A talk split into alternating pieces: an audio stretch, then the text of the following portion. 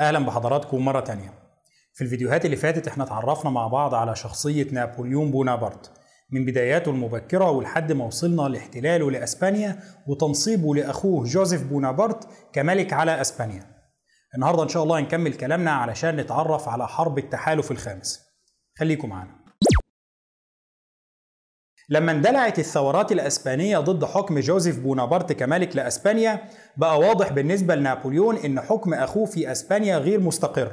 وإنه لو عايز يدعم حكم أخوه ده ويثبته لازم يبعت له عدد ضخم جدا من القوات الفرنسية علشان تساعده على قمع أي ثورات ضده.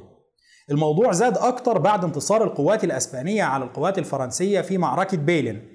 المعركة اللي عملت صدى جامد جدا في أوروبا ووضحت أن القوات الفرنسية مش منيعة وأنه يمكن هزيمتها في أرض المعركة. معركة بيلين حصلت في شهر يوليو سنة 1808 بعدها بشهر واحد إنجلترا اتشجعت وبعتت قوات للبرتغال في شهر أغسطس سنة 1808 وبقى واضح إنه النمسا كمان بتفكر جديا في دخول الحرب مرة تانية ضد نابليون. وعلشان كده نابليون بقى شايف إن تدخله في أسبانيا حتمي وإن هو لازم يقود حملة لدعم سلطة أخوه في أسبانيا وقمع التمرد هناك. ولكن بالرغم من كده نابليون بيتأخر في القيام بالحملة دي أكتر من شهرين. خلال الشهرين دول نابليون كان بيعمل حاجة واحدة وهي إن هو يأمن ظهره قبل ما يطلع في الحملة دي. نابليون كان واثق في قدرته على سحق التمرد في أسبانيا. ما كانش شايف إن اللي بيحصل في أسبانيا يقلقه. بالعكس هو كان واثق إن هو يقدر ياخد الجيش بتاعه ويسيطر على أسبانيا بمنتهى السهولة. المشكلة اللي عنده كانت إن هو خايف يروح لأسبانيا وينشغل هناك وفي نفس الوقت يتكون تحالف جديد ضده في أوروبا. التحالف ده يتحرك لمهاجمة فرنسا أثناء انشغاله داخل أسبانيا. وعلشان كده بيقرر يسيب القادة بتوعه يتعاملوا مع التمردات في أسبانيا بشكل مؤقت وهو بيشغل نفسه بحاجة تانية. الحاجة دي هي إن هو بيعمل مؤتمر داخل أوروبا علشان يعيد التأكيد على تحالفاته.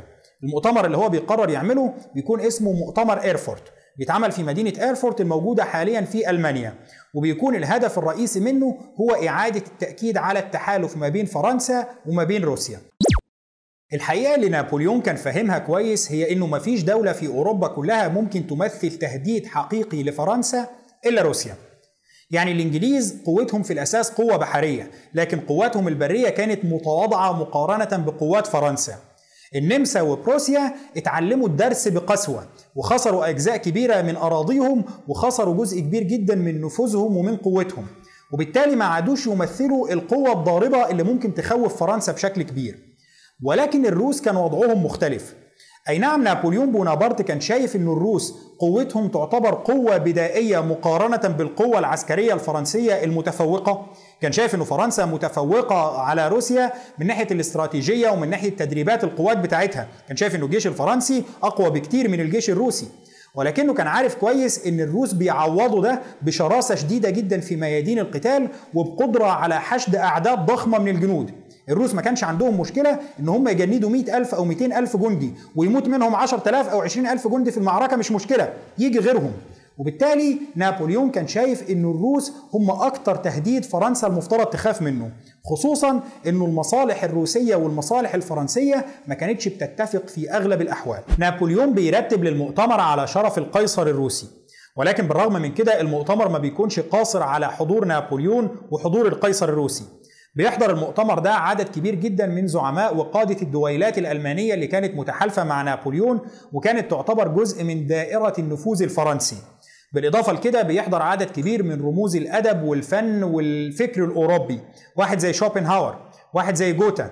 فرقة الكوميدي فرانسي اللي بتعمل عروض مسرحية في وقت المؤتمر ده. المؤتمر بيستمر في الانعقاد في الفترة من 27 سبتمبر لحد 14 أكتوبر سنة 1808 وفي نهاية المؤتمر بيكون واضح إنه تم إقرار تحالف واضح ما بين فرنسا وما بين روسيا.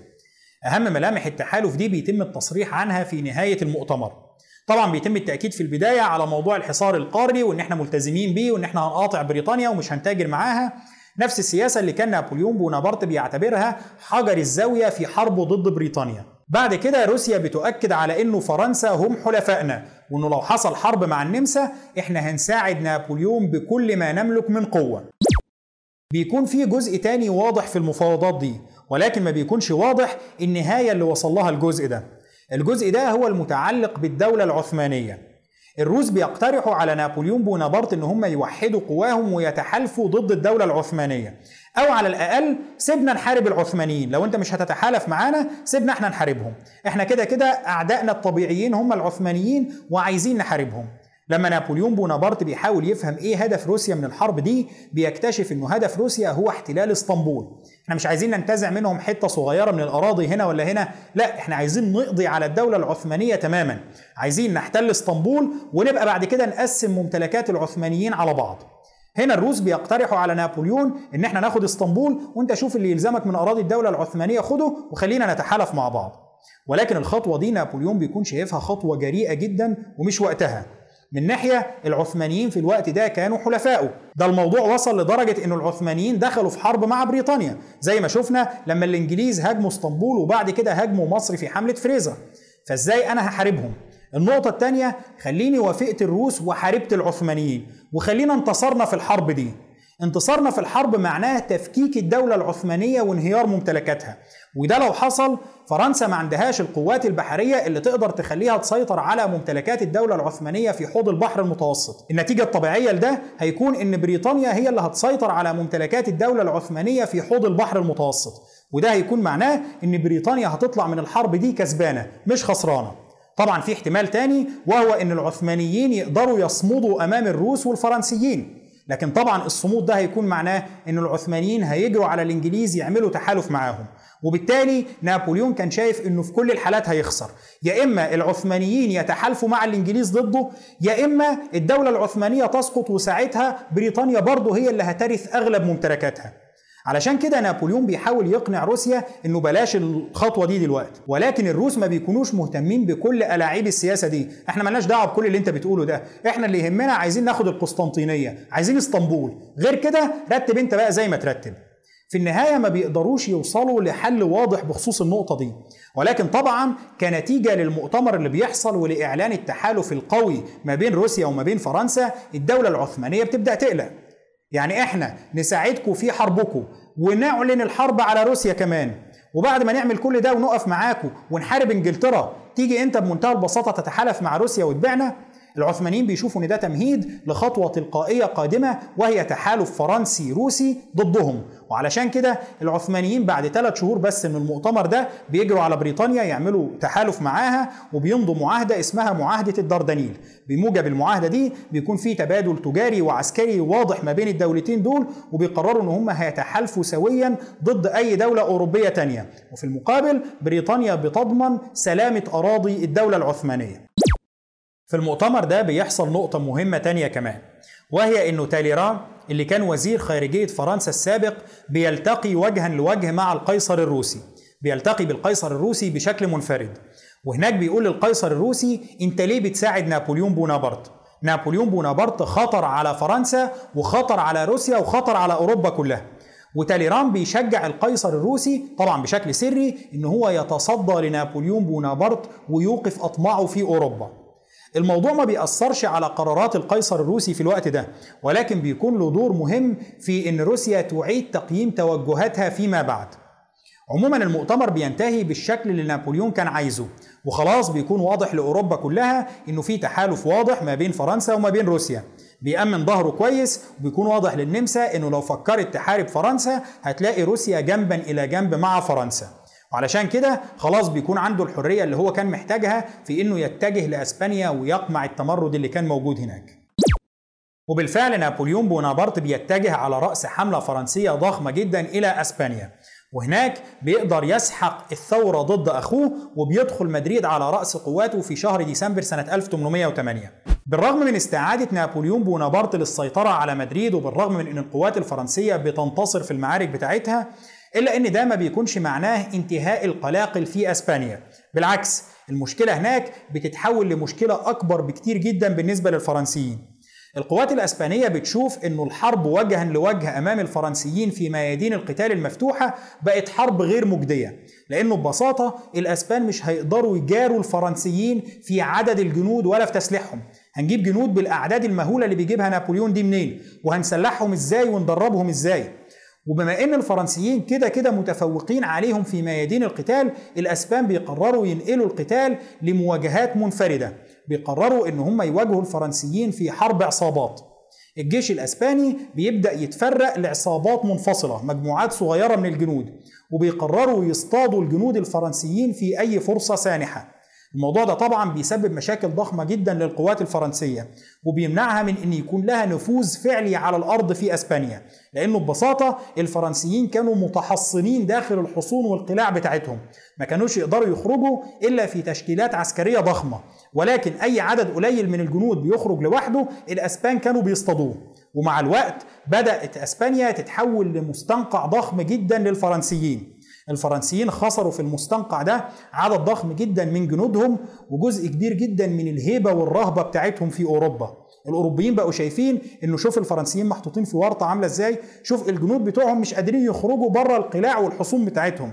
طيب إذا كانت إسبانيا عاملة المشاكل دي كلها لنابليون أمال باقي أوروبا تقدر تعمل له إيه؟ اللي بيحصل في اسبانيا بيخلي فرنسا في موقف حرج وبيخلي أوروبا كلها شايفة إنه خلاص فرنسا ما بقتش القوة التي لا تقهر اللي إحنا كنا متخيلينها. حرب العصابات الأسبانية ضد القوات الفرنسية بتسمع في أوروبا كلها لدرجة إنه المصطلح اللي كانوا الأسبان بيستخدموه للتعبير عن حرب العصابات اللي هو الجريلا الكلمة دي بتدخل باقي اللغات الأوروبية بمعنى حرب العصابات. كأنه بقى بالنسبة لأوروبا حرب العصابات هي اللي الأسبان عملوه في الفرنسيين. مع استمرار المشاكل اللي بيواجهها نابليون بونابرت في أسبانيا النمسا بتتشجع وبيتقرر زي ما شفنا في الفيديو اللي فات إن هي خلاص هتدخل الحرب ضد فرنسا. خلاص إحنا هنستغل الجيش بتاعنا ونعتمد على التدريبات المكثفة وعمليات رفع المستوى اللي إحنا عملناها خلال الثلاث أربع سنين اللي فاتوا دول للجيش بتاعنا وندخل في حرب مع نابليون. على أمل إن إحنا نقدر ننتصر عليه زي الأسبان ما عملوا. في نفس الوقت اللي بريطانيا بتقرر أخيرا إن هي تحاول تتخلى عن طبيعتها الحذرة وتدخل بقوات فعلية وتشتبك مع نابليون. بتقرر إن هي تفتح جبهة تانية للقتال ضد نابليون علشان بيكونوا واثقين إنه لو الحرب حصلت ما بين نابليون وما بين النمسا بشكل منفرد نابليون هيقدر يسحق النمسا كما فعل في المرات السابقة. كل مرة كانت بتحصل حرب نابليون كان بينتصر. ولو الحرب حصلت المرة دي برضه ما بين النمسا لوحدها وما بين فرنسا برضه فرنسا هتكسب. وعلشان كده الإنجليز بيقرروا أخيرا إن هم يبعتوا قوات تفتح جبهة جديدة ضد نابليون بونابرت. ولكن بطبيعة الحال الإنجليز ما بيقدروش يتخلوا عن الحذر الكامل بتاعهم. أيوه يعني إحنا هنحارب إنما مش معنى كده إن إحنا هنرمي الجيش الإنجليزي في مواجهة الجيش الفرنسي. لا إحنا غيرنا اللي يعمل كده. إحنا يا دوب هنبعت قسم صغير من الجيش الإنجليزي ونحاول نعتمد على حليف أو طرف ثالث هو اللي يتولى العبء الأكبر للقتال. الحرب اللي بتحصل ما بين الأطراف دي هي الحرب المعروفة باسم التحالف الخامس واللي بتحصل ما بين فرنسا من جهة وما بين النمسا وبريطانيا من جهة تانية. الإنجليز بيبعتوا جزء من القوات بتاعتهم للبرتغال في شهر أبريل سنة 1809 بقيادة واحد اسمه آرثر ويلسلي. آرثر ويلسلي اللي هو المعروف أكتر باسم دوق ويلينغتون واللي بيكون له دور مهم في هزيمة بونابرت في النهاية. ولكن عموما في المرحلة دي دوق ويلينغتون لما بيوصل البرتغال على رأس مجموعة من قواته بيقرر إن هو يضم القوات الإنجليزية والقوات البرتغالية اللي كانت معادية لفرنسا ويكون منهم جيش موحد اسمه الجيش الإنجليزي البرتغالي. الجيش ده بيكون بقيادته وبيبدأ يحارب الفرنسيين بهدف طردهم من البرتغال. دوق ويلينغتون بيقدر فعلا يحقق انتصارات مبدئية قوية على الفرنسيين وبيبدأ الفرنسيين يتراجعوا تحت الضغط بتاعه ده. في النهاية كمان بيتحالف مع الأسبان وبيحاولوا إن هم يهاجموا مدريد. ولكن طبعا القوات الفرنسية اللي كانت موجودة هناك كانت أقوى منهم وكانت أكثر عددا وأفضل تدريبا. وعلشان كده بيفشلوا في النهاية في احتلال مدريد. بعد فشلهم في السيطرة على مدريد بتبدأ القوات بتاعتهم تتراجع مرة تانية. حرب العصابات بتشتعل في أسبانيا زي ما كانت بينما بيتراجع دوق ويلينغتون على رأس الجيش الإنجليزي البرتغالي إلى البرتغال مرة تانية. لكن عموما اللي بيحصل في البرتغال وفي أسبانيا كان مسرح هامشي بالنسبة لحرب التحالف الخامس. المسرح الرئيسي لحرب التحالف الخامس كان هو القتال ما بين النمسا وما بين فرنسا على الجبهة الألمانية. النمسا استثمرت كتير جدا في الجيش بتاعها وجاء الوقت اللي يشوفوا هل الاستثمار ده كان استثمار مجدي ولا لا. القوات النمساوية بتبدأ التحركات بتاعتها في شهر أبريل سنة 1809 بالتزامن مع الهجوم الإنجليزي على البرتغال. يوم 10 أبريل بتبدأ القوات النمساوية في الهجوم على بافاريا. بافاريا اللي هي كانت واحدة من الدويلات الألمانية المتحالفة مع نابليون بونابرت. وتحت ضغط الهجوم النمساوي القوي واللي كان مترتب له بشكل كويس بتضطر القوات الفرنسية والقوات البافارية إن هي تتراجع. مع تراجع الفرنسيين بيبدأ النمساويين يكتسبوا مواقع استراتيجية أكتر وبالتالي بيطوروا الهجوم بتاعهم على الفرنسيين أكتر وأكتر. في النهاية بعد كام يوم من الهجوم الجيش الفرنسي بيتحول لجيش منقسم إلى قسمين كبار. القسمين دول كان بيفصل بينهم أكتر من 100 كيلو. ال 100 كيلو دول ما كانش موجود فيهم غير قسم من الجيش البافاري. البافاريين كانوا هم الرابط الوحيد ما بين قسمين الجيش الفرنسي الكبار. وهنا الخطة النمساوية بتكون واضحة جدا. إحنا نهاجم البافاريين اللي هم الحلقة الأضعف في كل القوات بتاعة فرنسا أو القوات المتحالفة معاها ونهزمهم. لو هزمنا البافاريين كده هنبقى عزلنا الجيش الفرنسي لقسمين مش متصلين ببعض. وبكده نقدر نطوق قسم من القسمين دول نحاصره بالكامل نعزله ونهجم عليه لحد ما نفنيه أو نجبر فرنسا على قبول الصلح. وبالفعل القوات النمساوية بتهاجم القوات البافارية وبتقدر تنتصر عليها يوم 16 أبريل سنة 1809 الانتصار ده بيحصل في منطقة اسمها منطقة لاندشوت بعد انتصار القوات النمساوية على البافاريين بيكونوا تقريبا نجحوا في عزل جزء من الجيش الفرنسي بقيادة الجنرال دافو. تاني يوم مباشرة اللي هو بعد أسبوع من بداية المعارك يوم 17 أبريل نابليون بونابرت بيكون وصل لميدان المعركة. أول طبعا الراجل ما بيعرف إن في حرب دارت بيجي بمنتهى السرعة علشان يلحق القوات بتاعته. بيوصل بعد أسبوع واحد لميدان المعركة. ولكنه لما بيوصل بيلاقي إن الوضع على الأرض سيء جدا. النمساويين تقريبا نجحوا بالفعل في عزل وتطويق جزء كبير جدا من الجيش الفرنسي بقيادة الجنرال دافو. ولو نابليون ما قدرش يشوف حل للمشكلة دي يبقى كده تقريبا خسر الحرب. هنا بتدور ما بين الجيشين الفرنسي والنمساوي مناورات ضخمة جدا لمدة أربع أيام. في الأربع أيام دول كل جيش منهم كان بيحاول إن هو يحصل على أفضل وضع استراتيجي علشان يبدأ هجومه على الجيش الثاني النمساويين كان بالنسبة لهم الموضوع بسيط. إحنا عايزين نستكمل حصار وتطويق دافو علشان لما نهجم عليه نقدر نبيد القوات بتاعته. بينما نابليون بتكون الخطة بتاعته معقدة أكتر من كده. نابليون بيحاول يهاجم القوات النمساوية من اتجاه مختلف بحيث إنه في النهاية يحاصر القوات دي ما بين قواته وما بين قوات دافو ويبقى ظهرهم لنهر الدانوب. وبالتالي لما يهجم عليهم يبقى هو اللي محاصرهم مش هم اللي محاصرينه. المناورات دي بتستمر لمدة أربع أيام. كل جيش منهم بيحاول يعيد تموضع القوات بتاعته في مواقع أفضل.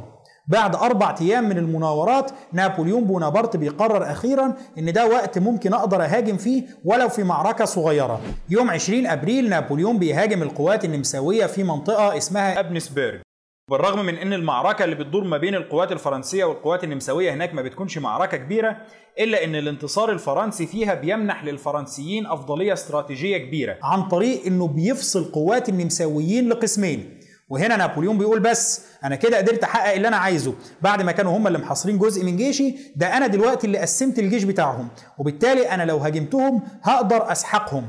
ولكن في نفس الوقت النمساويين بيقدروا ينتصروا انتصار صغير تاني في منطقة اسمها ريجنسبرج مجرد إن النمساويين انتصروا هناك ده كان معناه إنه بقى في طريق تحت سيطرتهم يقدروا يتصلوا بيه ما بين القسمين بتوع الجيش بتاعهم. نابليون ما بيكونش عارف المعلومة دي ولكنها بتكون في النهاية معلومة محورية بتمنع نابليون من تحقيق انتصار حاسم. وهنا بتحصل المعركة وكل طرف من الطرفين بيحاول يستغل فيها الميزة الاستراتيجية بتاعته على الطرف الثاني النمساويين عايزين يسحقوا قوات دافو بينما الفرنسيين عايزين يطوقوا قسم من الجيش النمساوي ويسحقوه.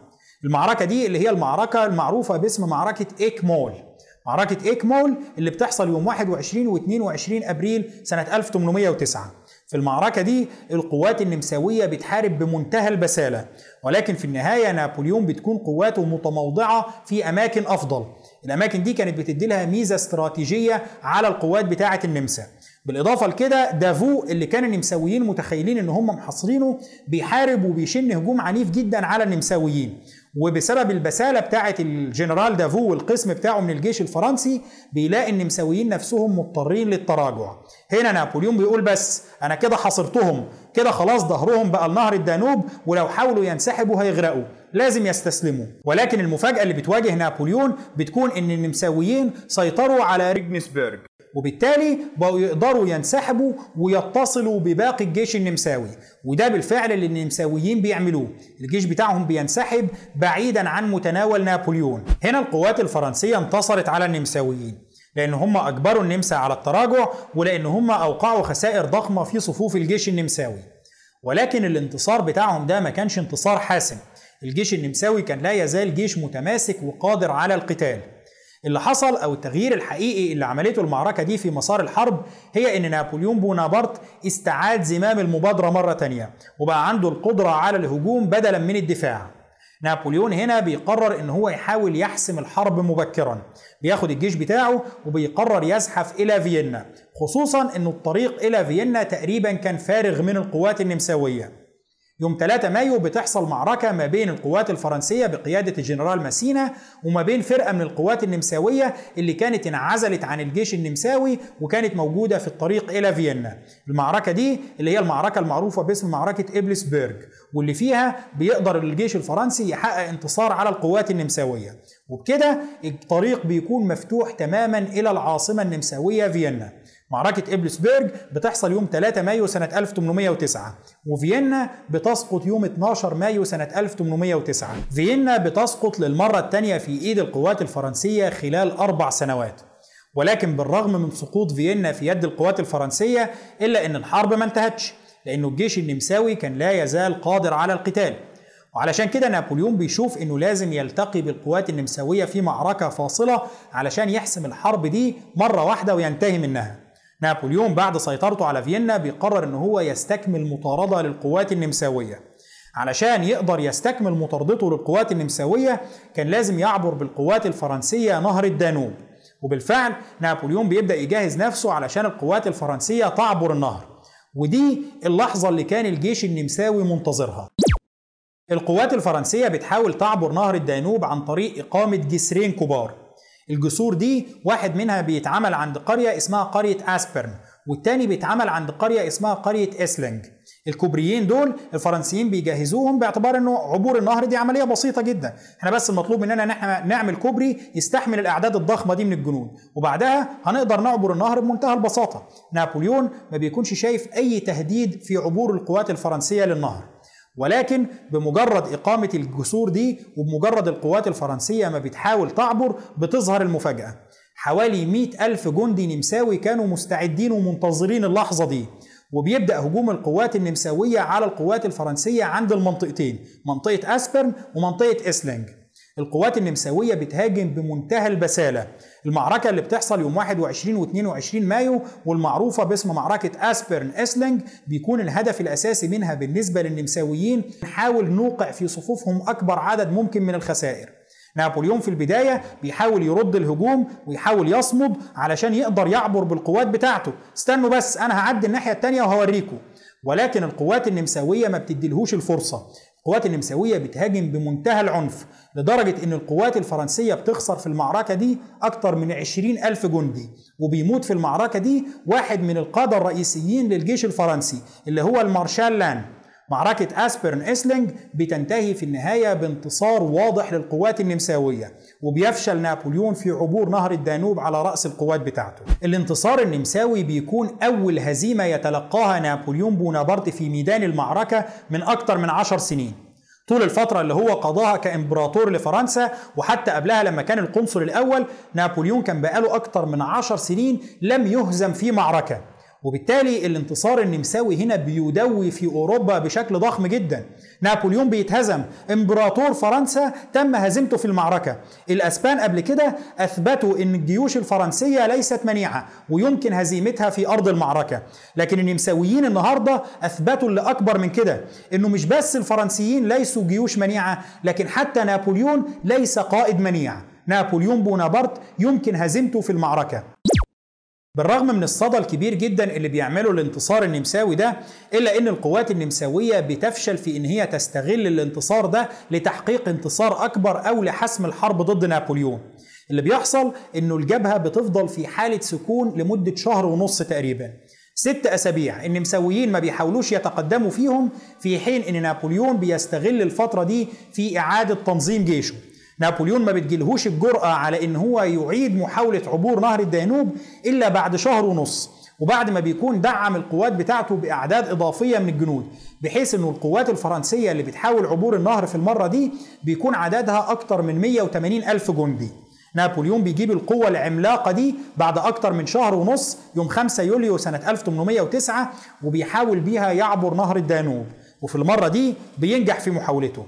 بعد نابليون بونابرت ما بينجح في عبور النهر بيأمر القوات بتاعته بأن هي تهاجم معسكر القوات النمساوية الرئيسي الموجود في منطقة واجرام. القوات الفرنسية بتهاجم النمساويين في معركة واجرام بمنتهى العنف. الفرنسيين بيكونوا مصممين إن إحنا جايين نوري النمساويين إحنا مين. ولكن في المقابل القوات النمساوية بتتصدى لهم بمنتهى البسالة وبتدور معركة طاحنة ما بين الفريقين. أول يوم في المعركة دي بيمر بالنسبة للقوات الفرنسية بدون تقدم يذكر. القوات الفرنسية ما بتقدرش في أول يوم تحقق أي تقدم واضح على القوات النمساوية. وهنا نابليون بونابرت بيستشيط غضبا. اللي بيحصل ده مش طبيعي. النمساويين إزاي بيقدروا يتصدوا لينا بالشكل ده؟ نابليون بيبدأ يلاحظ إنه في عدد كبير من الأخطاء اللي بترتكبها القوات الفرنسية واللي بيرتكبها قادة الجيش الفرنسي. وبيبدا يشوف إنه مستوى الجيش الفرنسي بيتراجع وإنه في حالة عامة من التراخي ما بين الجنود بتوعه. أو ربما إنه الجيش النمساوي هو اللي مستواه ارتفع بشكل مثير للإعجاب وإنه بقى فعلا على قدم المساواة مع الجيش الفرنسي. نابليون بيحاول يتدارك الأخطاء دي بشكل سريع جدا. أنا لو اتهزمت في المعركة دي أنا خسرت الحرب. الهجوم الفرنسي بيكون مكثف جدا ضد القوات النمساوية في اليوم الثاني. وهنا القوات النمساوية بتلاقي إن استمرار المعركة هيكون معناه انهيار الجيش النمساوي. المعركة دي مهما أبدينا فيها من بسالة إحنا هنخسرها. وعلشان كده الجيش النمساوي بيقرر أخيرا في نهاية المعركة إن هو ينسحب إلى بوهيميا. يحاول ينسحب إلى أعماق الإمبراطورية النمساوية هربا من الجيش الفرنسي. نابليون بيقدر يحقق انتصار على القوات النمساوية في واجرام.